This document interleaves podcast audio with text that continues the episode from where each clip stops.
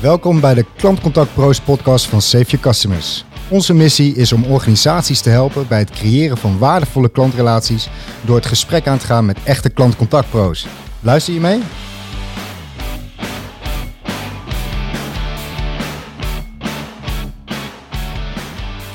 De tweede podcast is een feit. Bedankt voor het luisteren van onze eerste podcast. Heb je deze nog niet geluisterd?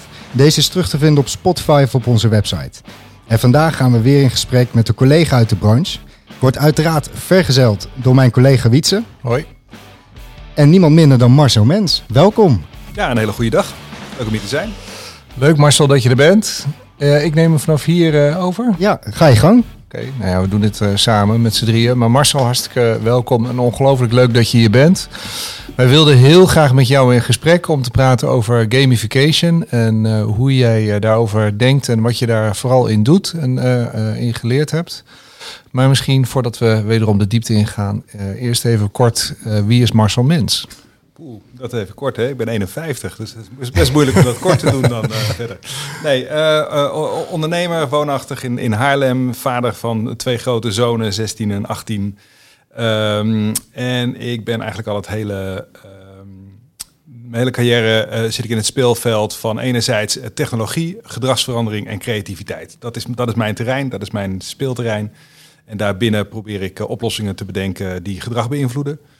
Um, en ik ben een gesjeeste gymleraar, wiens carrière als gymleraar ongeveer een week of zes duurde. Um, en die geïnspireerd is door twee mannen met hele grote snorren. De ene is Albert Einstein en de andere is Super Mario. Die moet je even uitleggen. Ja. Die moet je even uitleggen.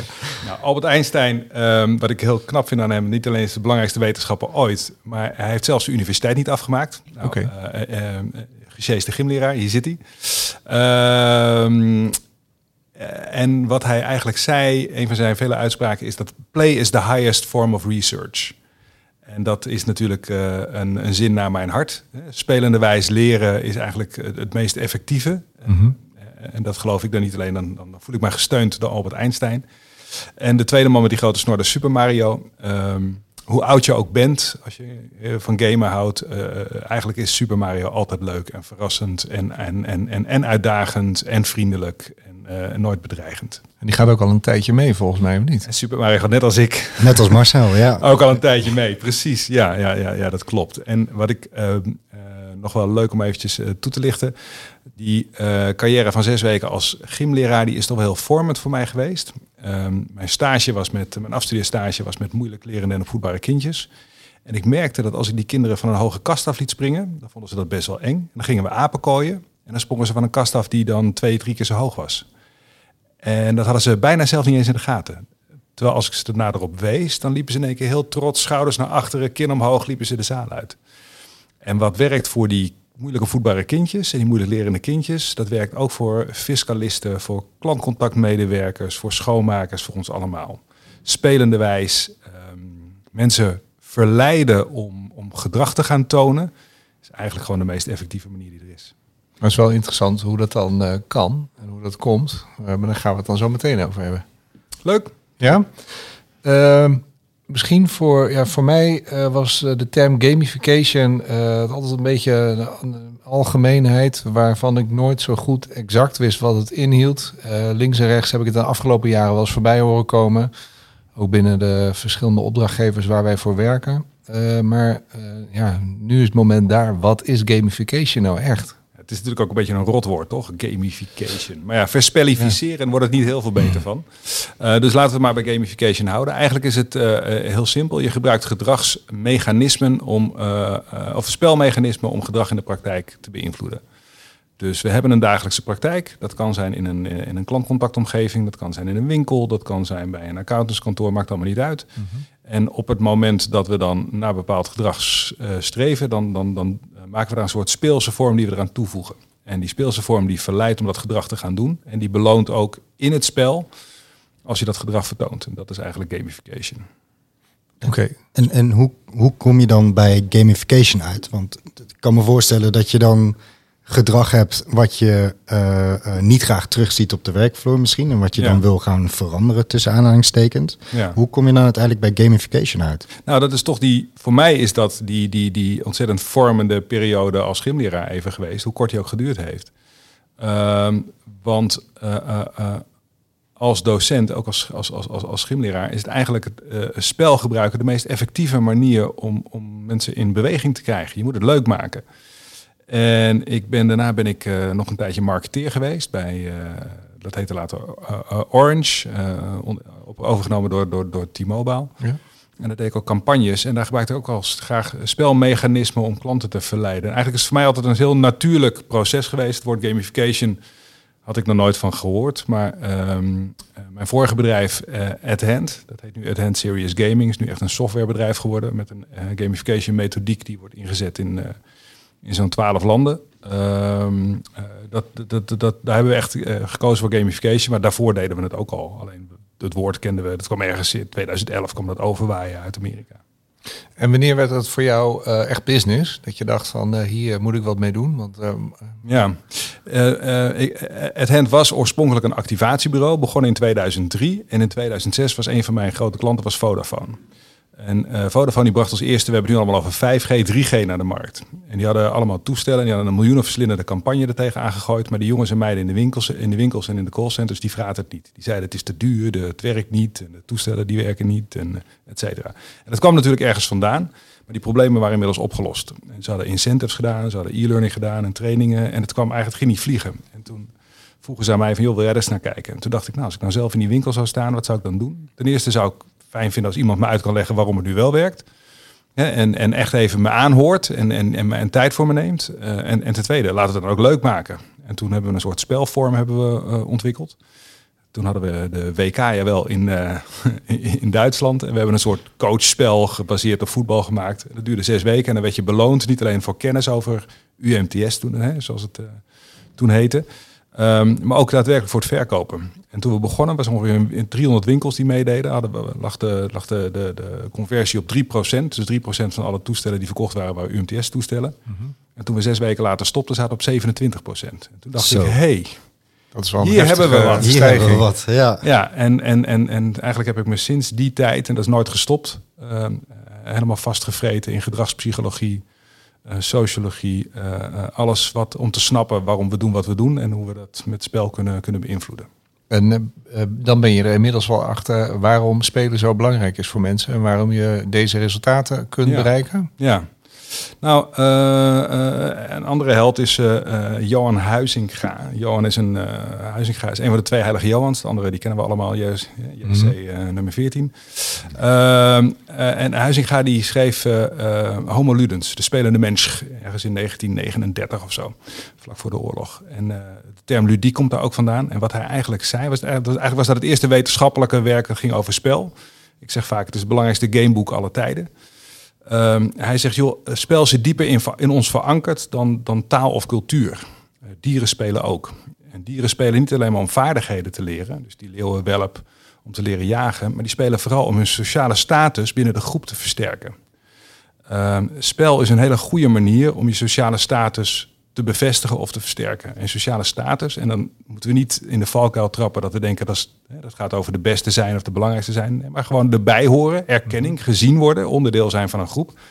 Dat is evolutionair voor ons van levensbelang. En is dat dan gekoppeld aan prestaties, presteren, het beter doen dan een ander? Of Onder andere, hè, we, we- we, eh, op de lagere school eh, was dat jongetje en meisje wat het beste kon sporten. Dat was vaak ook een van de populaire jongetjes of meisjes. Dus prestaties doet ertoe. Maar ehm, sociale interactie, gewoon ook je maatjes ondersteunen, je teamgenoten ondersteunen, eh, creatieve input leveren, leuke manieren, plezier hebben samen, dat is eigenlijk nog veel belangrijker. en dan komt ook het team bij kijken dan. Zeker, ja. Is Ik dat vind- Ik vind dus ook dat je zoveel mogelijk moet zorgen dat je mensen in een team hè, gezamenlijk eh, moet laten spelen en, en, en op die gedragsverandering moet sturen. en wanneer werkt gamification niet? Oh, eh, heel vaak niet. Ehm, en, en een van mijn tips is ook, hè, doe het niet te vaak. nee, eh, gamification werkt als je zelf wil dat het gaat werken. Ehm, met andere woorden, als je zegt, joh, ik heb hier een doelgroep en die komt niet in beweging, hè, UMTS, want ze geloven er niet in. Ja. Eh, en je gaat direct beginnen met gamification, dan gaat het niet werken. Dus je moet eerst moet je inderdaad langs die winkels en in gesprek gaan en vragen aan die medewerkers: joh, eh, vertel eens, waarom vind je, wat, wat, wat, wat, wat zit je tegen? En dan gaan tijd ervoor nemen. En dan moet je zorgen dat mensen openstaan voor. Zeggen, nou, ik wil wel. En dan is gamification de turbo op gedragsverandering. Dus betekent mensen moeten eerst openstaan om te willen. Exact.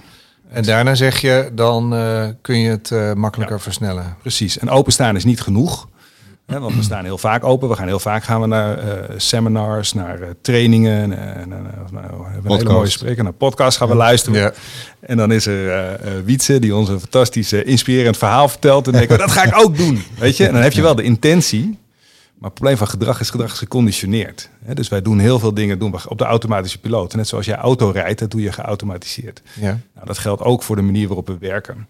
Dus gaan mensen weer terug naar, eh, naar die mooie podcast die ze geluisterd hebben in de auto en, eh, en ze gaan weer op de werkvloer.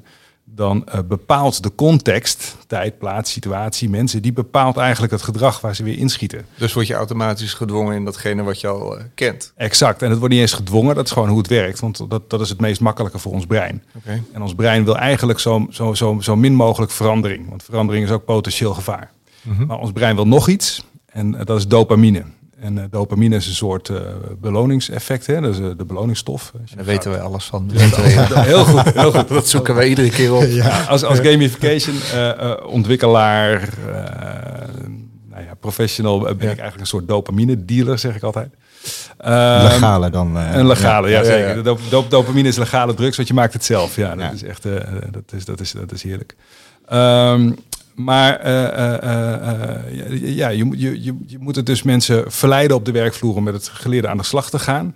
En die dopamine shot die is sterker dan die angst voor verandering. Want we hebben het nu de hele tijd over gamification. En het is eigenlijk een vraag. Is gamification ehm, een software? Of kan het bijvoorbeeld ook ehm, iets fysiek zijn op de Methodiek. werkvloer? Ja, zeker. Je kan, je kan, je kan van alles een spel maken.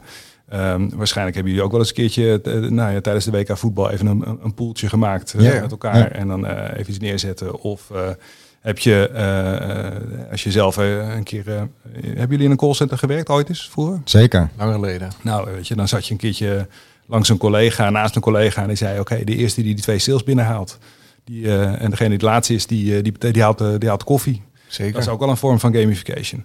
Eigenlijk is het zorgen naar speelse elementen. Ja, maar je kan, het, je kan het heel groot maken en je kan er heel veel software aan hangen en hele toffe eh, dingen weer doen. Het leuke daarvan is dat je het dan ook schaalbaar maakt. Dan kan je ook met duizenden mensen tegelijkertijd kan je een game doen. Eh, maar het is niet nodig.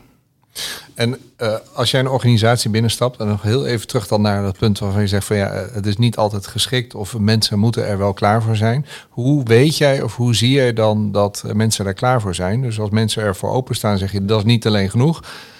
Eh, zeg je daarmee dat de omstandigheden eh daaromheen dan ook zo gecreëerd moeten zijn eh, dat ze de ruimte krijgen om te spelen tussen Ja, aanhalingstekens? Absoluut, absoluut. Ehm, eh, je moet je voorstellen, ik ben, ik ben denk ik de afgelopen jaren bij een trajectje of 200, 300 inmiddels betrokken geweest. Dus, Ja. dus ik heb een klein beetje ervaring. Ehm, en wat we ontwikkeld hebben een aantal jaar geleden is een, een Excel-lijst, dat noemen we de Game Scan. Mhm. En dat zijn 30 kritische randvoorwaarden die we in kaart brengen. Daar hangen we een score aan. En die scan die gaat voorspellen of het een succes gaat zijn of niet. En daar staan punten op of het draagvlak is en support vanuit het management. Of er tijd en ruimte is om met, die spel, be- eh, met het spel bezig te zijn. Of het middelmanagement betrokken is. Of er ruimte is eh, om mensen in het zonnetje te zetten. Of er ruimte is voor een kick-off. Allemaal van dat soort zaken. En daar hangen we allemaal criteria aan. En dan gaat, komt er letterlijk een score uit. En die score die zegt, joh, dit gaat werken. En dan gaat het ook werken. En dan gaat het ook vliegen. Of die score die zegt van nou, eh, eh, twijfelachtig. En dan is ons advies ook even wachten. Ehm, nogmaals, gamification is een turbo op gedragsverandering. En net als eh, die turbo in je auto. Ja, op het moment dat je een rechter achterwiel mist, dan kan je wel een turbo erop zetten. Dan heb je eerst een andere prioriteit. Maar dat betekent dat jullie eigenlijk een soort van recept hebben om te, te kijken eh, of een organisatie er, er klaar voor is om te veranderen. Dus Ja. even los van eh, eh, welk middel je gaat inzetten, dan zouden jullie al enigszins kunnen vaststellen of Ja. een organisatie klaar is voor verandering. Nou, dat is een hele terechte opmerking die, die je daar maakt. Want ik, ik ben natuurlijk inderdaad een, een, prediker voor, voor gamification. Maar ehm, verandering, voor verandering heb je sowieso ruimte nodig. En heb je sowieso emotionele veiligheid nodig. En heb je sowieso betrokken tijd en eh, support van je management heb je nodig, et cetera. Dat zijn wel Dus, grote eh, topics gelijk. Ja, nou ja, maar, maar, maar eh, het gebeurt vaak genoeg niet, toch? Dat het er niet is. Nee, dat klopt. Daarom, daarom haal ik het ook aan. Weet je, je noemt gelijk even een paar onderwerpen dat ik denk, wow, Ja. Dan moet een organisatie eh, überhaupt in de spiegel durven kijken. Want eh, Ja. mijn vraag achterliggend was van, nou ja, dit moet toch iedereen willen? Maar inderdaad, eh, wil iedereen ook in deze spiegel kijken? En, eh daar kan dan op het? die, ja, kan het, ja. Ik weet het niet. Is, Nou, de, ja, is het een, is de kwestie van willen of is het de kwestie van kunnen? Of wat is dat? Nee, het is een kwestie van willen, van keuzes maken. Ja, op het moment dat je zegt dat je als organisatie wil veranderen, wil verbeteren. Ehm, en je hebt niet die tijd en ruimte ervoor, dus je scoort laag op die scan. Ja, dan, eh, dan, dan, Maar dat- maar dan, dat- dan, dan, dan, dan kan je geen, eh, dan kan je niet. eh, Dan ken jij vast wel ook de voorbeelden dat je ingehuurd wordt door de baas, de Ja. eindbaas, die het echt een fantastisch idee vindt. ja, zeker. Die echt zwaar overtuigd is van de toegevoegde waarde die je gaat leveren. En dan kom je bij de bazen daaronder en die vinden het wat minder goed idee. Ja. En, dan? daarom, en daarom is die scan zo belangrijk. Oké. Nou, wat ik in het verleden deed, ehm, is dat we dan zeiden van oké, we gaan het toch doen, want die klant die wil het zo graag. Ja. Ik heb een keer ehm, ongeveer anderhalf, twee jaar lang gewerkt om een grote energieleverancier binnen te halen als klant. Mhm. En toen gingen we daar een traject doen en ik voelde aan mijn water, dit gaat niet werken. Want middelmanagement had er geen tijd voor. Er was weerstand. De, de, de, de, systemen die ze moesten gaan leren gebruiken, die werkten eigenlijk nog niet helemaal. Eh, CRM, CRM-systemen, et cetera. Je kent het wel. Ja, maar we willen toch. Oké, gaan we het toch doen. En uiteindelijk, eh, eh, twee maanden later, een evaluatie. Ja, het werkt niet, gamification. En dat, dat was voor mij het keerpunt dat ik gezegd heb... ehm, ik vind dat elk traject dat wij doen voor een klant... dat moet reden zijn voor die klant om vaker met ons te werken. Want het kost heel veel tijd en moeite om een klant binnen te halen. Ja. Ehm, en op het moment dat je er dan niet er klaar voor bent, maar je gaat het toch doen, ja, dan schiet je uiteindelijk jezelf in eigen voet. Ook ik als ondernemer. Dus dat heeft helemaal geen zin.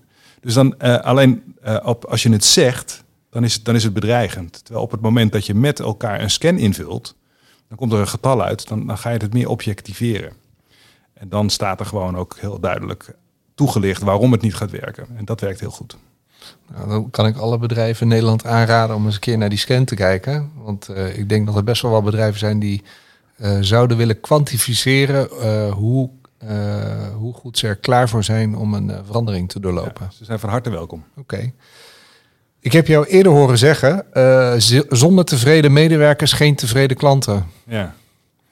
Dat roepen best wel wat mensen bij ons in de branche. En ik kan me er ook wel iets bij voorstellen. Maar vanuit Ja. jouw invalshoek ben ik wel benieuwd wat je daarmee bedoelt. Nou, ehm, wat ik wel leuk vind om te zien, als je, als je kijkt naar hoe een, bijvoorbeeld een klantcontactcenter presteert en je gaat naar, naar ehm, eh, KPI's ga je kijken en je kijkt naar klanttevredenheid, dan valt het soms op dat er veel fluctuatie is bij medewerkers, er grote verschillen zijn. En als er grote verschillen zijn, of er zijn mensen die de ene dag heel goed presteren en de andere dag minder goed presteren, terwijl de systemen en de processen en de producten hetzelfde zijn, dan zegt het maar één ding, dan heeft het te maken met mindset. Ehm, en ik denk dat er eh, in elk werk, elk vak dat je doet, is mindset van belang. Maar als je met klanten werkt, eh, met mensen contact hebt, dan is mindset een positieve mindset en daar plezier in hebben ehm, de allergrootste verschilmaker. Ja. En wat ik wel opvallend vind in deze branche is dat we met z'n allen ontzettend veel tijd, geld en moeite stoppen om processen te begrijpen. We doen allemaal eh, heel veel geld stoppen we in workforce management en, en operational excellence en weet ik wat. Maar we snappen niet zoveel van gedrag. En, ehm, en, en terwijl daar het meeste te winnen valt. Want de grote de merken die het hartstikke goed doen, of die, die, die middenstander, hè, de- die, die bakker bij jou op de hoek waar je zo ontzettend graag komt. Ja, die, die, die, daar kom je niet alleen omdat het brood heel lekker is, maar ook vooral omdat je er eh, heel fijn geholpen wordt, toch? Eens. Ja. En, al- en als we iets over gedrag gaan onderzoeken, dan is dat vaak van de klant en niet van eh, de medewerker. Exact. Terwijl, waar kunnen we wat aan doen? Is ons eigen gedrag of het gedrag van die medewerker. Ja. Als leidinggevende kan ik wat doen hè, eh, aan het beïnvloeden van het gedrag van mijn medewerker. Mhm. En, en je zult dus die medewerker moeten verleiden zich te gedragen. Net als bij die kindjes die van die kast af moeten springen. Als ik zeg, je moet nu, dan krijgen ze weerstand. Mhm. Ehm, terwijl op het moment dat ik de setting zo maak dat het leuk is om het te doen, en er is een hoger gezamenlijk doel, namelijk een spel spelen met elkaar. Eh, en bij gamification gaat het een stapje verder, want dan is het spel het middel en niet het doel. Eh, dan, dan, dan, dan komen ze in beweging. En dan, en dan is het gevolg dat die klanttevredenheid omhoog gaat. Maar dat, klinkt nog een beetje abstract voor mij, eh, Marcel. Is dat zo? ja, ik kan me er wel van alles bij voorstellen, maar Ja. Eh, eh, laten we hem eens concreet maken. Wat, Geef, geef- wat- geef mij eens een mooie, een mooie, Nou, een mooie je, concrete case waar kijk, we eens even onze tanden in kunnen zetten. Even, eh, ik, ik, we hebben eigenlijk, ik zie heel veel medewerkers die al hun best doen. en dan vervolgens in vier, vijf of zes of misschien soms wel negen sy- verschillende systemen moeten werken om klanten te bedienen. Ja. Eh, bij de een gaat het wat makkelijker dan bij de ander. Eh, de- soms is het hard werken in deze periode waarbij de, eh, best wel veel contactcenters die zijn onderbezet. Dus je- het is nog een tandje harder werken. Dus die zijn hier helemaal niet mee bezig. Die zijn al soms blij als ze de dag overleven en denken van nou we hebben het weer goed gedaan en de, de klanten zo goed als mogelijk geholpen. ja. En denk, ja, zitten die hierop te wachten dan? Dat hangt van de setting af. Dus daar, en dan komt die scan weer met die randvoorwaarden. Ja. Op het moment dat die medewerkers in een situatie zitten dat ze zich niet sociaal veilig voelen. Dat ze Mhm. het gevoel hebben dat op het moment dat ze met een idee komen of klagen over de werkdruk of over die negen systemen, dat een leidinggevende eh, het direct afkapt en zegt, joh, je moet die zeiken, hier moet je het mee doen. Ehm, eh, dan, dan, dan, dan doet dat direct iets met de sociale veiligheid. Ehm, en zo zijn er heel veel meer basisvoorwaarden. Op het moment dat we gaan vragen, joh, eh, ik, heb, ik heb wel mooie trajecten mogen doen voor grote eh, eh, de- de telecomleveranciers, hardwareleveranciers van, van telefoontjes. Mhm. Eh, noem alle grote merken wel op en daar hebben we mogen, mooie trajecten voor mogen doen. En het is me letterlijk een paar keer gebeurd dat we gevraagd werden, joh, zorg dat we meer van een bepaald toestel gaan verkopen, mobiele telefoons. En dan bleek er na twee maanden bleek de voorraad op, of, of na twee weken. Geen grap. Weet je, dus eh, eh, eh, ja, weet je, we hebben onze shit gewoon niet op orde, heel vaak. En, Ja. en dat is weer die, die, die scan. Ehm, gamification maakt een ontzettend verschil, maar je moet wel je basis op orde hebben. De Maar- turbo werkt pas als de basis goed is. Maar die basis die is meestal alleen op orde op het moment dat het integraal door de hele organisatie op orde is, toch? Nou, nee, dat Hoeft hoeft, dat dat, dat, dat, dat hoeft zeker niet het geval te zijn. Want eh, ook al hebben we negen systemen, dan zijn er dagen dat ik er goed mee om kan gaan. Mhm. En er zijn dagen dat ik er mee loop te strukkelen. Ik heb een collega die eh, links naast me zit, die heel goed kan werken met die negen systemen. En ik niet. Ehm, dus dan is de kunst dat ik die collega erbij betrek. En dat ik eh, die collega vraag, joh, hoe, hoe werkt dat dan? Wat zijn de, wat zijn de trucs? Ja. Ehm, hè, dus dus eh, ook dat, ehm, eh, weet je, de- ook daarmee kan je, kan je best wel verschil maken. En hoe gaat, eh, kun je concreet een voorbeeld uitleggen van wat je dan gedaan hebt en, en, en wat dat dan in de praktijk doet, wat het oplevert, wat het voor medewerkers betekent?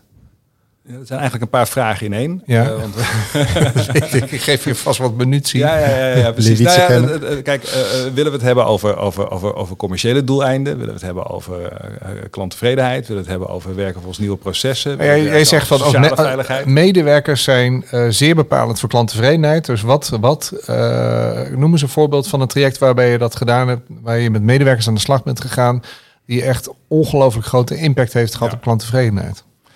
Ehm, een, ver- een verzekeraar. Ja? Een verzekeraar die eh, niet alleen eh, eh, autoverzekeringen, maar ook reisverzekeringen verkoopt. Ja. Ehm, en een aantal jaar geleden, tegenwoordig wordt dat steeds minder, maar traditioneel nog een grote scheiding tussen servicemedewerkers en verkoopmedewerkers. Ja. En voor de servicemedewerker is verkoop een vies woord, Zeker. toch? Ja, Dus dan- daar, moet je, daar moet je een gen voor hebben, heb ik laatst begrepen. Ja, Oh ja. klopt ja. ja. Ja. Oh, echt waar? Ja, ja. Ja, is- Ja. Misschien moet je hem even heel kort toelichten, want Nee, dat, eh, eh, eh, we zijn bezig met uitrol bij een van onze opdrachtgevers met retentietraining. En daar zei een van de medewerkers, ja, ik heb dat gen niet. En toen gingen wij toch eens uitvragen, ja, maar wat bedoel je daarmee? Nou, die bedoelde dus die, dat commerciële gen. Ja. Dus daar hebben we... eh, En wat voor gen heeft die persoon wel?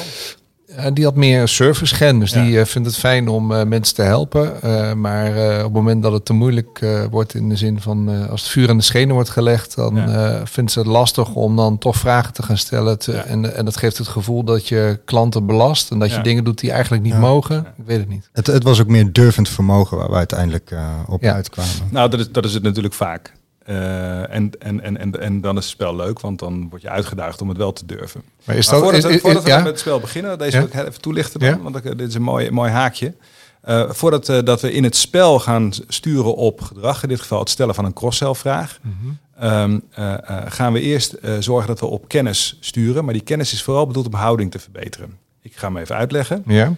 Um, uit onderzoek blijkt dat klanten die een cross-sell-vraag gevraagd hebben, ik bel voor een autoverzekering en de vraag is, joh, zullen we ook nog even je reisverzekering doornemen? Mhm.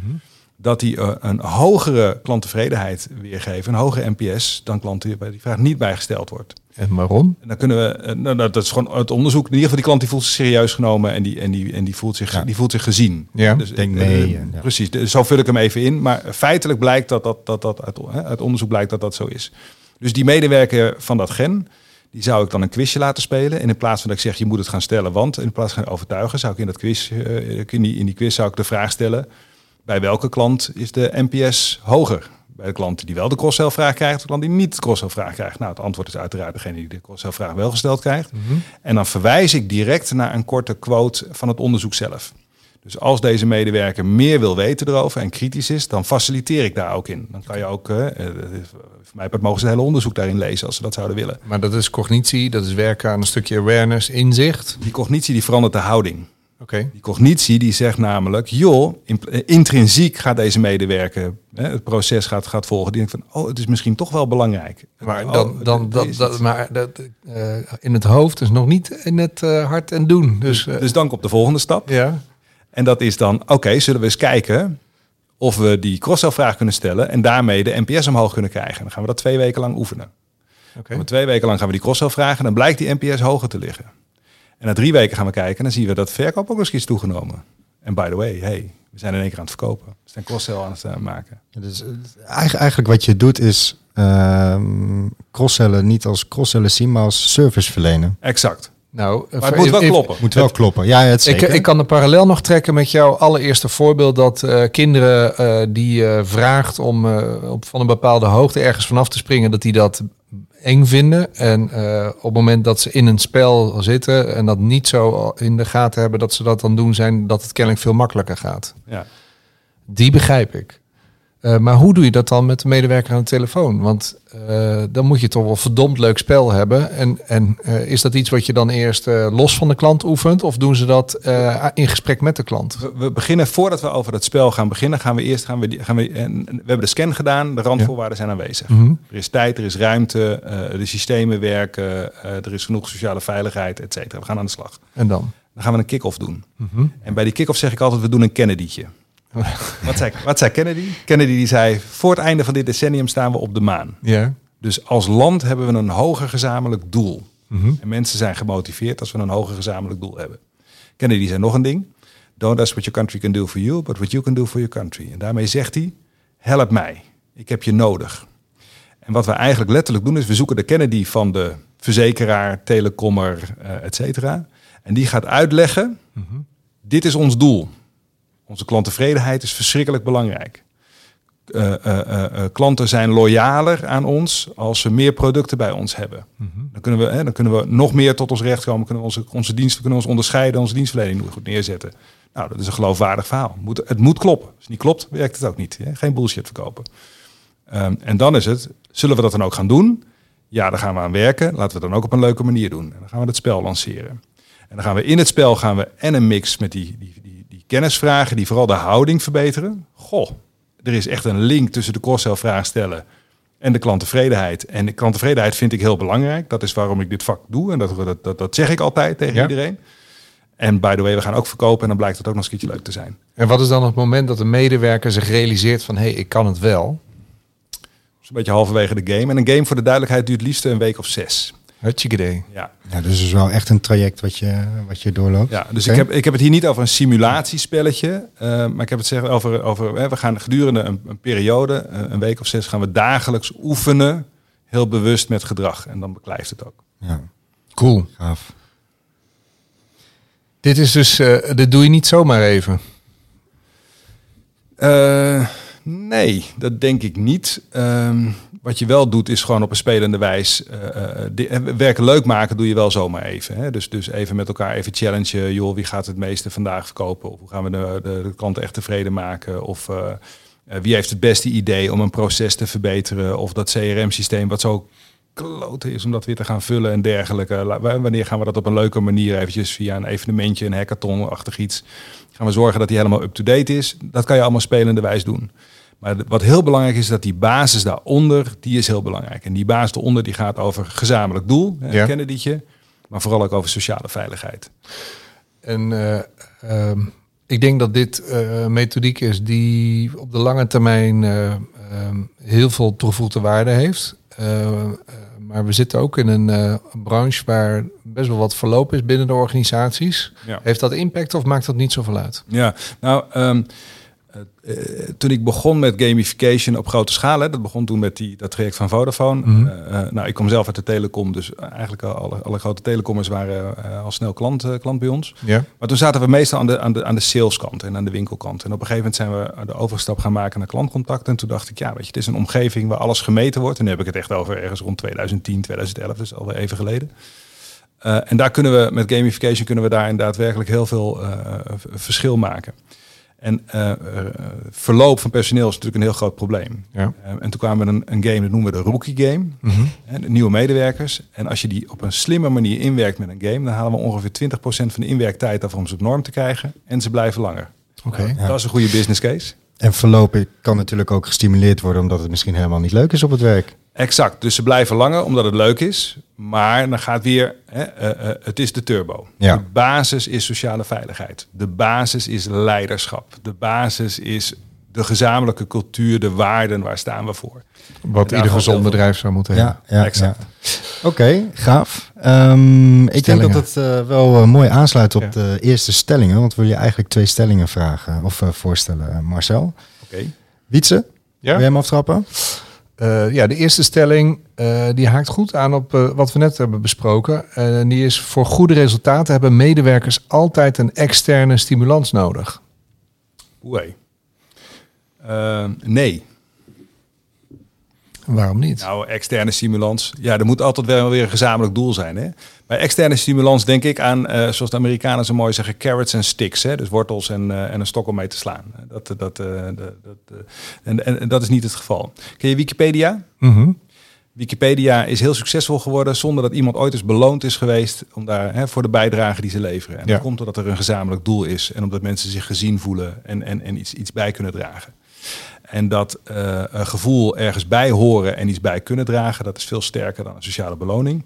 Maar ook hier weer, de basis moet op orde zijn. We moeten Maar- allemaal een fatsoenlijk salaris hebben. En op het moment dat ik in een organisatie werk waar de baas heel veel voor zichzelf houdt en heel weinig toebedeelt aan, eh, aan de mensen die het daadwerkelijk eh, het verschil maken op de werkvloer, dan, gaat het, dan, ben je natuurlijk niet geloofwaardig. Dan gaat het ook niet werken. En als de basis op orde is, komt eh, intrinsieke motivatie dan voor extrinsieke motivatie? Altijd. Oké.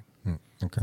Dus dat is wel een duidelijke volgorde. Ja, Ja, nee, zeker. maar eh, extrinsieke motivatie. Er is een meneer Daniel Pink. Eh, als je een filmpje gaat kijken op TED.com en je zoekt op Dan Pink, dan, eh, dan vind je dat. En dat is een kort filmpje van 15 minuten. Hij heeft een boek geschreven, Drive. Mhm. Eigenlijk is dat een beetje het standaardwerk dat gaat over intrinsieke motivatie.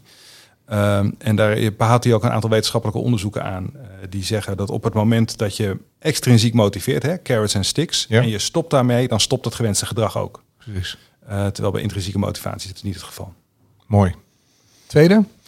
Ja, Even kijken. De tweede. Gamification werkt beter dan een financiële beloning. Ja, nee, hij, hij, eh, borduurt een beetje verder op, wat- op wat we net al zeiden. Eh, nogmaals, basis op orde. Ja. Dus in een omgeving waar iedereen gewoon een fatsoenlijk salaris heeft en dergelijke. Waarbij mensen eh, niet het gevoel hebben dat ze nog een week maand over hebben of, eh, eh, als het salaris al op is. Snap ik. Eh, eh, is, dat, is dat het geval? Ja, absoluut. Omdat je bij gamification dus zit op die onderliggende motivatoren eh, van samen iets presteren, samen ontwikkelen, durven experimenteren, eh, gezien worden. eh, Heb je het ook wel eens eh, ergens in de praktijk mogen vergelijken en mogen AB testen? Dat je zegt van ik heb één team die Ja. krijgt bonus. Eh, we hebben, we hebben daar met opdrachtgevers altijd heel veel eh, discussie over. Dan eh, vooral met retentieteams. ja. Moeten we die belonen? En we hebben wat verschillende opdrachtgevers gehad waar dat dan het geval was.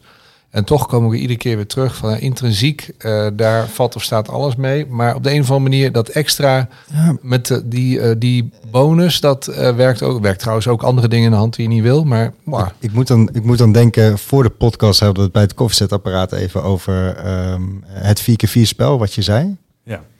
Ja. Het voetbaltraining. ja, Ja, ja. voetbaltraining voor pupillen, whatever. ja. Ja, en daar moet ik dan even aan deze. Dat misschien nog een keer kunnen toelichten? Want jij zei dat wel heel erg mooi. Nou, eh, op het moment dat je, dat, dat ging over, ga je gamification gebruiken en koppelen aan een beloning. En, en toen zei ik, dat moet je zeker niet doen.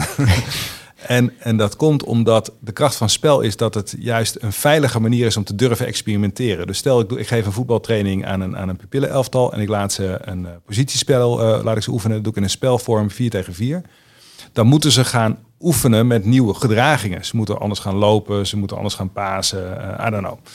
En op het moment dat ik ze daar direct af, op afreken, dus ik zeg je staat niet in de basis, je het niet goed doet, dan gaan ze verkrampen en dan, dan zullen ze bij bij het oude blijven wat ze beheersen.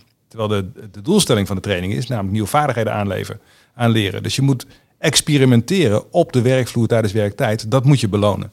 En dat kan alleen maar als er sociale veiligheid is. En sociale veiligheid betekent dus ook dat op het moment dat ik het niet goed doe in een gamification traject, dat het geen gevolgen heeft voor mijn salaris, voor mijn contractsverlenging, voor mijn promotie, et cetera. Eh, ik vind dat je uh, persoonlijke ontwikkeling en begeleiding daarvan los moet trekken van uh, de juridische en de financiële kant. Dat zijn twee losse trajecten. En uiteraard is groei, heeft dat een link met je, uh, met je, presta met je, met je, met je beloning. Um, maar die trek je wel los van elkaar. Ja. Vind je in het algemeen dat je uh, begeleiding, coaching van medewerkers, het, het trainen van medewerkers en, en, begeleiden naar beter, of waar je dan ook heen wil, dat je dat los moet trekken van een managersrol? Nee, de, de, de, de, de, de, de, de manager uh, die moet stoppen met zich als baas te gedragen. Mm -hmm. En die moet, uh, die moet zich gaan gedragen als, als begeleider, als coach, als mentor. Uh, en die moet dus veel meer gaan ondersteunen. Maar die dat, moet ook één keer per jaar moet hij zeggen van je hebt het goed gedaan. Exact. en nu volgt daar toch die geldelijke, tenminste bij veel organisaties is daar wel een beloning aan gekoppeld. En dat, en dat kan die manager ook prima doen. Ja. Maar dat doen we dan in een setting die zegt oké, okay, Hè, uh, uh, op 2 december hebben wij, Wietse, hebben we ons beloningsgesprek. En dan gaan we kijken naar de juridische kant en dat soort zaken. Okay, dus dat moet maar je dat strikt coachen, scheiden. Precies, dat coachen, dat, dat elkaar helpen uh, om te ontwikkelen. Dat durven te experimenteren. Dat, dat, dat is zoveel mogelijk een continu proces. En af en toe ja. Bijvoorbeeld met gamification of met een formele training zet je er even de. Maar dat, is wel voor veel uh, bedrijven een uitdaging, denk ik. Of, in de, of anders gezegd, in de praktijk zie ik dat uh, onderscheid niet altijd heel goed plaatsvinden. Uh, dus misschien moeten we ons wat meer bewust zijn dat we dat toch scheiden. Dus ja. natuurlijk kun je dat niet altijd in rollen uiteentrekken in mensen, personen.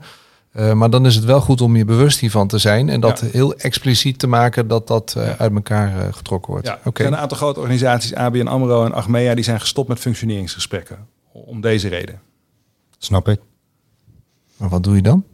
Dan ga je dus, dat, uh, dan ga je dus dat, uh, dat uit elkaar trekken. Dus dan heb je dus wel de coaching en de ontwikkeling. En dat, dat, dat doe je op een, op, een, op een deels formele, maar vooral informele manier. Okay. Dat ga je lostrekken van die. Uh, het is natuurlijk ook wel dat je toch nog wel bij organisaties ziet dat het functioneringsgesprek of een beoordelingsgesprek het enige gesprek is per jaar waarin iemand echt gevraagd wordt van wat wil je nog ontwikkelen en wat zijn ja. je doelen. En dat moet eigenlijk een continu proces zijn ja. gedurende iemands carrièrepad. En wat gebeurt er dan?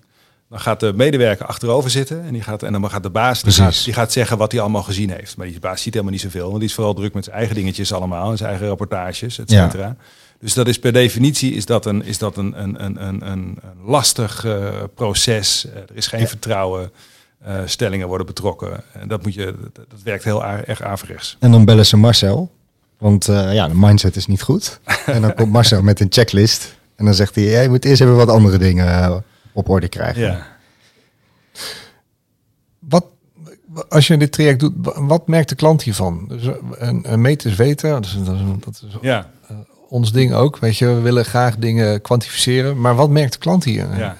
Nou, uh, uh, ik ben een beetje selectief in, in, in, in namen die ik noem van, uh, van partijen waarmee we werken. Maar een partij waar ik heel lang voor gewerkt heb is, is, Transcom. Dat is een hele leuke. Je vroeg net over die AB-testen. Ja. En Transcom is een groot internationale partij, facilitaire klantcontactorganisatie. En Transcom Italië, dat wordt geleid door Gianluca. En Gianluca is de financieel directeur. En de financieel directeur die wil gewoon show me the numbers. Ja. Die wilde geen bullshit hebben. Dus gamification had hij zoiets van, joh, ho hoezo? En toen zijn we gaan werken met controlegroepen. Toen hebben we een groep gedaan met gamification, een groep gedaan zonder gamification. Niet één keer, maar vijf keer. Vijf verschillende groepen, vijf verschillende klanten waar, hè, waar ze voor werkten. Dus mm -hmm. de klantcontact voor Vodafone, voor Sky, voor PayPal en dat soort zaken. Op alle KPI's presteerden de spelers weken na afloop van de game beter dan de niet-spelers. Hoeveel beter? En sinds die tijd was Johan Luca mijn beste vriend. sindsdien, sindsdien eet jij iedere week Italiaans. Sowieso. Italië. Maar, nee, maar hoeveel beter? Eh, ja, eh, eh, verschilt een beetje. We meten de NPS, we meten de, de, de average handling time, we, we meten first call resolution. Ehm, ik vind het moeilijk omdat, en dat, en dat, en dat was een verschil bij, bij trajecten. En het is ook alweer een paar jaar geleden. Het is bij mijn vorige bedrijf, het Hand, hebben we dit, dit, dit, dit gedaan. Ik weet het niet meer precies, maar het was significant genoeg om het structureel te doen. Eh, en het uh, Transcomitali speelt nog steeds dagelijks of jaarlijks binnen de organisatie 20, 30 keer een game. Gaaf. Zo cool. Maar dan ben ik wel nieuwsgierig. Eh, eh, uit onze ervaring weten we dat eh, empathie een belangrijke factor is in het gesprek met klanten. En kennis slash vaardigheid, eh, voor zover die uit elkaar kunt trekken. Dat zouden de twee factoren... Is, is, zijn dat de twee factoren? Of zeg je nee, er speelt een, iets anders een rol? Nou, em- empathie is een belangrijke randvoorwaarde. Maar bij empathie, waar het dus over gaat, en, en dat, dat- dan kom ik weer terug over dat we moeten snappen hoe gedrag werkt. Als ik tegen jou zei, ja, jij moet nu empathisch zijn, Wietse. Mhm. Je hebt net een rotochtend gehad, je komt te laat, je hebt in de file gestaan en dergelijke. En je moet nu aardig gaan doen. Ja.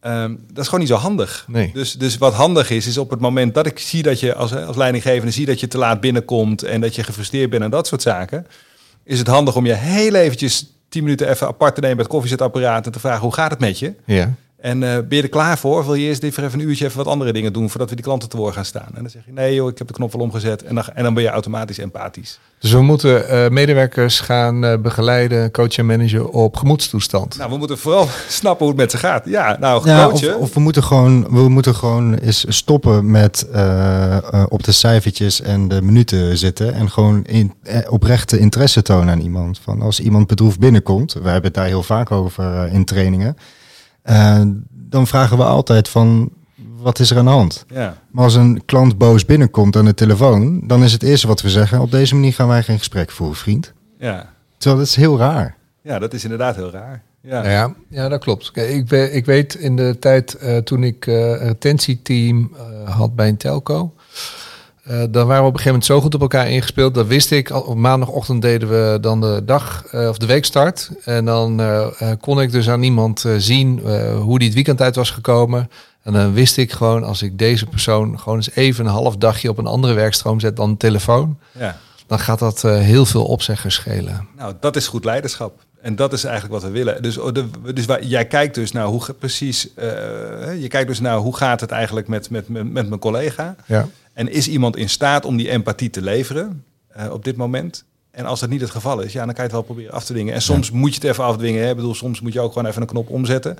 Maar dat kan niet, het kan niet de basis zijn. En, en, en dat gesprek moet je dan ook voeren van samen, joh, eh, laten we straks even na het werk even praten hoe het met je gaat en dat soort zaken. Maar we moeten nu even, en dat kan je dus ook niet altijd doen.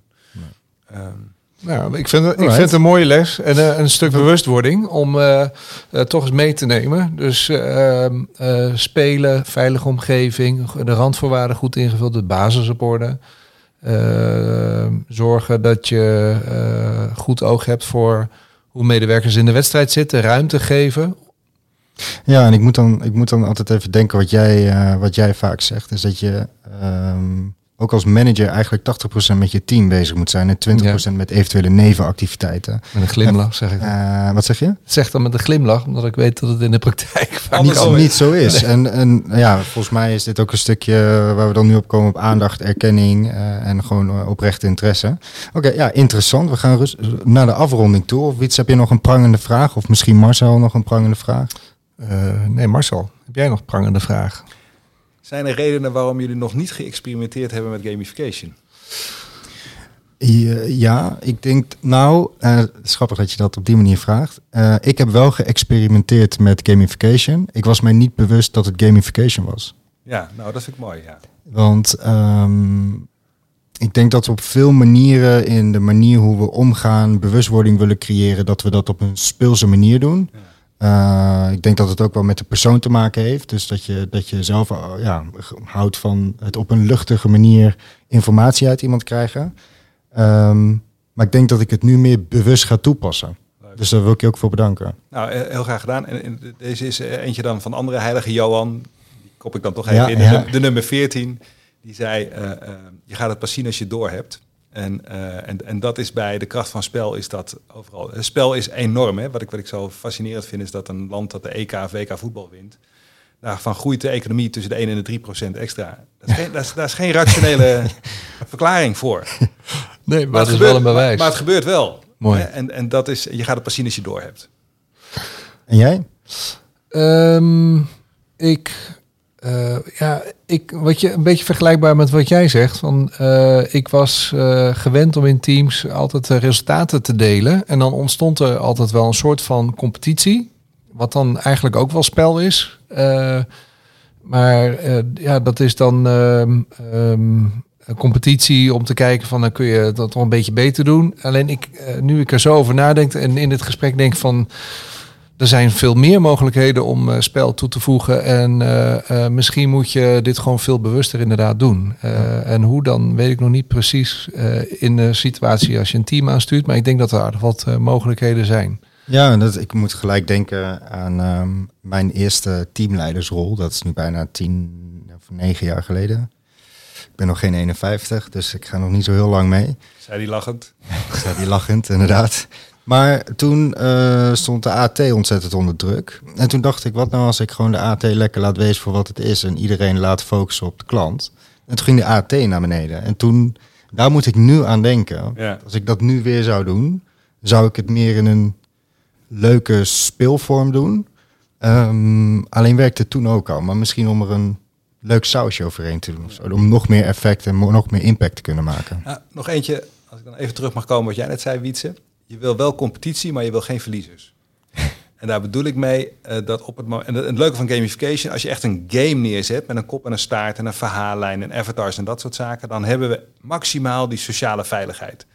Hè, dus op het moment dat het even niet lukt, dan komt mijn avatar in een gameomgeving niet verder. Terwijl Ja. jou wel wat verder komt. Ja. Dan is het maar een spelletje. Dat is die sociale veiligheid. En wat we willen is dat iedereen die game afrondt. En game afronden betekent echt oefenen met dat gewenste gedrag. En hoe je hem afrondt, wat voor score je hebt, net als met die marathon. Het feit dat je hem uitgelopen hebt, daar ben je trots op. Ja. Dat er eentje de snelste was, dat gaan we verklappen, hartstikke eh, fantastisch. Maar dat, dat maakt uiteindelijk niet het grote verschil. Nee, dat klopt. Maar eh, dat, dat realiseer ik me nu. Dat eh, als je een wedstrijd speelt, kun je verliezen. Wij deden dat met het team, dus dat scheelde. De individuele scores werd niet op afgerekend. Keek men natuurlijk wel naar. Dus een aantal waren intrinsiek gemotiveerd om eerste te willen zijn. Eh, maar als team eh, ging dat eigenlijk best goed, omdat je met elkaar een, eh, een stijging hebt kunnen doormaken. Leuk, mooi. En dan merk je wel dat het versterkt. Dus dat team wat er zat, dat was ook heel erg op elkaar. Maar ja, dat was dan misschien onbewust zo ontstaan. Dus als ik jou, als ik dit nu beluisterde, hier ga ik nog wel even over nadenken. En ik denk misschien ook dat wij in onze coachings en in ons platform daar ook eens naar moeten kijken hoe we spel eh, en gamification kunnen toepassen in het leren. Dus eh, nou, misschien moeten we op een andere manier ook een keer praten, Marcel. Maar goed, Ik hoor- Ik hoor een koopsie. Ja. dat, is, niet voor hier. Dat is niet voor hier. En die knippen we er al uit, of Ja, niet? Nee, dat... eh, Eh, we hebben nog een laatste, allerlaatste vraag die we eh, graag willen voorleggen. Eh, en dat is, wat is jouw beste klantervaring ooit geweest en waarom? Poeh. Ehm, als je die vraag zo stelt, beste klantervaring ooit, dan is het echt één moment of zo. Hè? Ehm, ik ben ontzettend loyaal aan mijn ehm, garagehouder. En, eh, en daar kom ik nu een jaartje of veertien. Ik ben verhuisd van Almere naar Haarlem, dus ik moet naar een andere garage. En dat vind ik echt heel vervelend.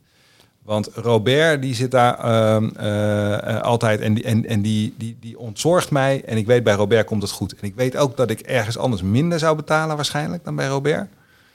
Maar ehm, op het moment dat ik op vrijdagavond besluit even te gaan kamperen in de Ardennen met de jongens... en ik heb geen dakkoffer bij de hand, dan regelt hij hem ook. Die heeft hij dan toevallig liggen. Dat kost hem geen, geen rode cent.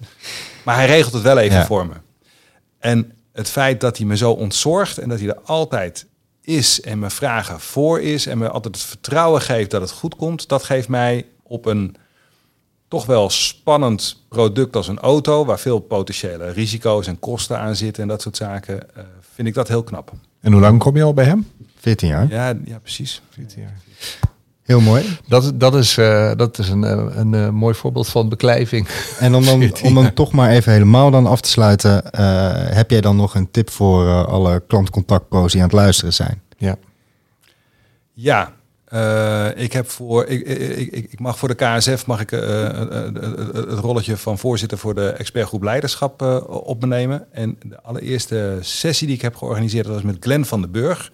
En Glenn heeft een eh, leuk boek geschreven. En dan ben ik even de titel kwijt. Ik denk dat het werkplezier heeft. Het is een boekje van Zet ik hem in de beschrijving straks. ja, dat is heel leuk. Het boekje van 80 pagina's. En dat gaat over gedrag en gedrag beïnvloeden op de werkvloer. En er zit een aantal hele grote valkuilen in. Lees het boekje van Glenn van den Burg. Ga ik in de beschrijving zetten. Zeker, gaan we doen. En dan ehm, zijn we aan het eh, einde gekomen van de podcast. Nou, eh, we hadden als doel 40 eh, minuten, volgens mij. We zitten nu op 50 minuten. Oh Dus eh, ik zei het van tevoren al, eh, zet uh, Wietse en Marcel volgens mij aan tafel. En dan, eh, Dan komen we er wel. Marcel, waar kunnen mensen jou vinden? Dat is misschien nog even belangrijk. Nou, handig is even op, eh, op LinkedIn, Marcel Mens. Eh, en het gaat direct over intrinsieke motivatie. dus eh, volgens mij is er nog een geschiedenisleraar die ook Marcel Mens heeft. Maar eh, je moet die andere, die moet je hebben, die krullenbol. Helemaal goed. Wietse, bedankt. Ja, dankjewel. En ehm, ik hoop dat iedereen het weer een fijne podcast vond. En als je meer informatie wil, dan eh, kun je naar onze website saveyourcustomers.nl. En dan eh, zien we jullie bij de volgende podcast. Dankjewel. Marcel, dankjewel. Dankjewel Marcel. Graag gedaan en jullie bedankt.